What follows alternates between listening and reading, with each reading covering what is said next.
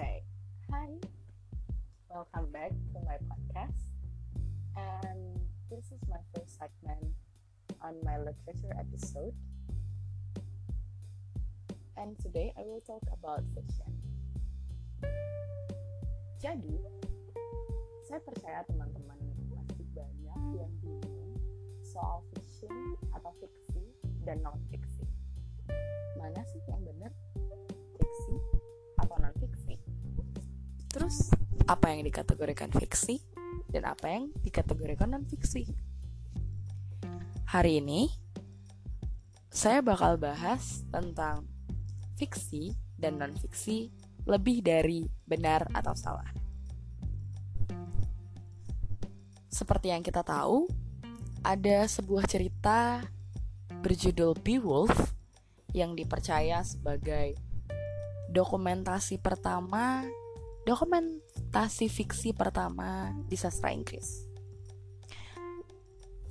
Ada beberapa yang percaya bahwa Beowulf itu adalah fiksi dan ada yang ada yang percaya bahwa Beowulf itu sebenarnya adalah non fiksi.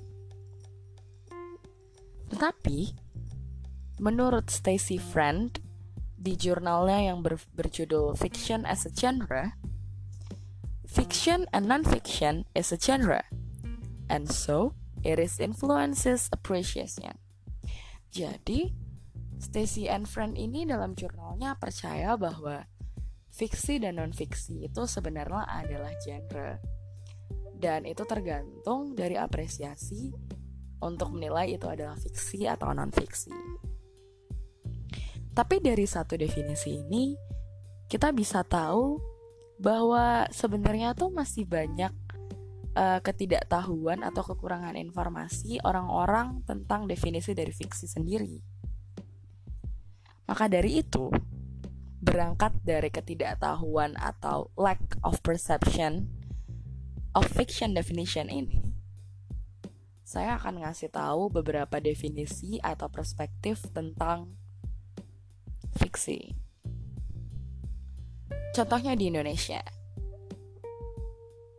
Indonesia yang kaya akan cerita rakyat dan fiksi sendiri itu mempunyai atau mencirikan sebuah definisi fiksi.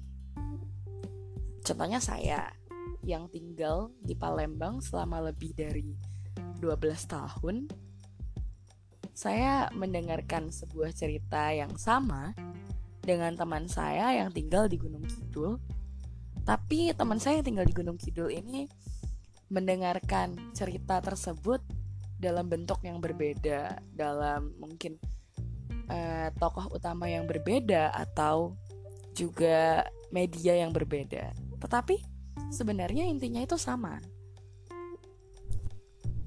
dari sini kita bisa tahu bahwa sebenarnya fiksi itu hmm, tumbuh berdasarkan society's view atau pandangan masyarakat tersebut atau bisa dibilang interpretasi masyarakat tersebut terhadap cerita tersebut.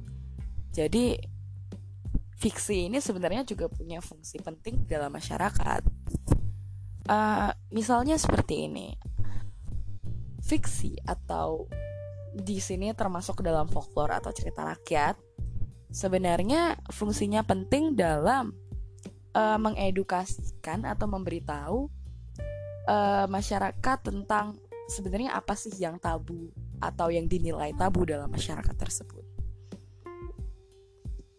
Jadi intinya fiksi dalam masyarakat masyarakat umum, masyarakat luas itu adalah sebuah cerminan dari kondisi dari masyarakat tersebut. Karena seperti yang tadi saya bilang, fiksi ini tergantung dari uh, pandangan sebuah masyarakat tersebut akan suatu hal. Selanjutnya, definisi fiksi yang berbeda dari uh, lingkup yang lebih kecil dalam masyarakat yaitu hmm, orang-orang berpendidikan atau yang lebih tepatnya scholars tentang sastra nih atau hmm, sarjana sastra atau orang-orang yang mengerti sastra dan mengerti fiksi. Beberapa uh, beberapa ilmuwan atau beberapa akademinya sastra itu percaya bahwa fiksi itu sebenarnya bukan hanya cerita yang tumbuh di masyarakat atau fiksi itu atau cerita rakyat itu bukan hanya fiksi dan non fiksi yang berdasarkan benar atau salah. Lebih dari itu, fiksi itu adalah produksi atau hasil dari sebuah creative writing atau menulis kreatif. Dan fiksi, menulis fiksi itu bukanlah hal yang mudah karena di dalam fiksi itu mengikut sertakan menulis kreatif yang membangun imajinasi uh, pembacanya dan itu tidak mudah gitu. Dan di sini kita bisa lihat bahwa sebenarnya orang-orang yang berpendidikan mengenai sastra atau fiksi, mereka percaya bahwa fiksi dan non fiksi itu lebih dari benar dan salah. Uh, jadi penilaian fiksi dan non fiksi itu uh, dilihat dari proses daripada hasil. Karena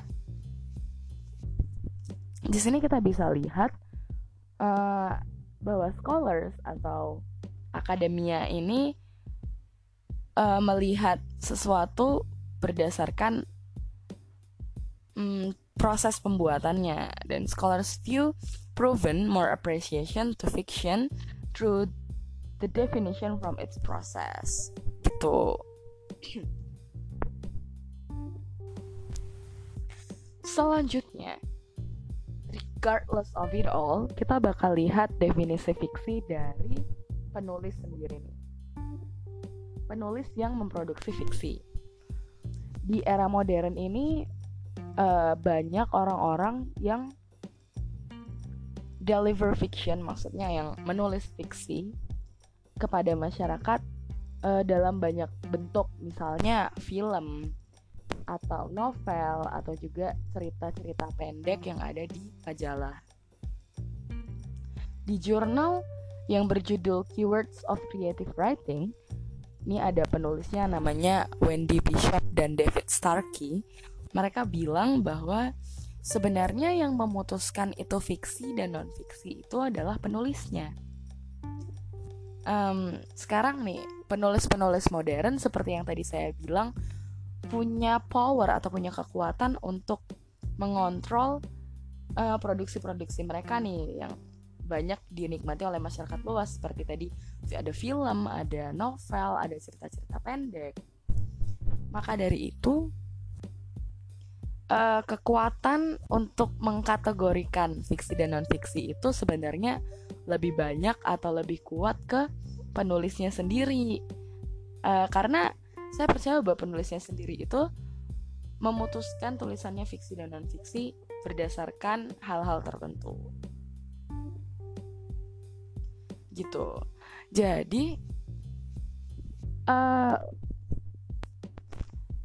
fungsi dari mendefinisikan fiksi itu uh, lebih dari kita melihat bahwa itu benar atau salah bahwa yang salah atau yang hanya imajinasi itu adalah fiksi dan yang lebih real itu adalah non fiksi.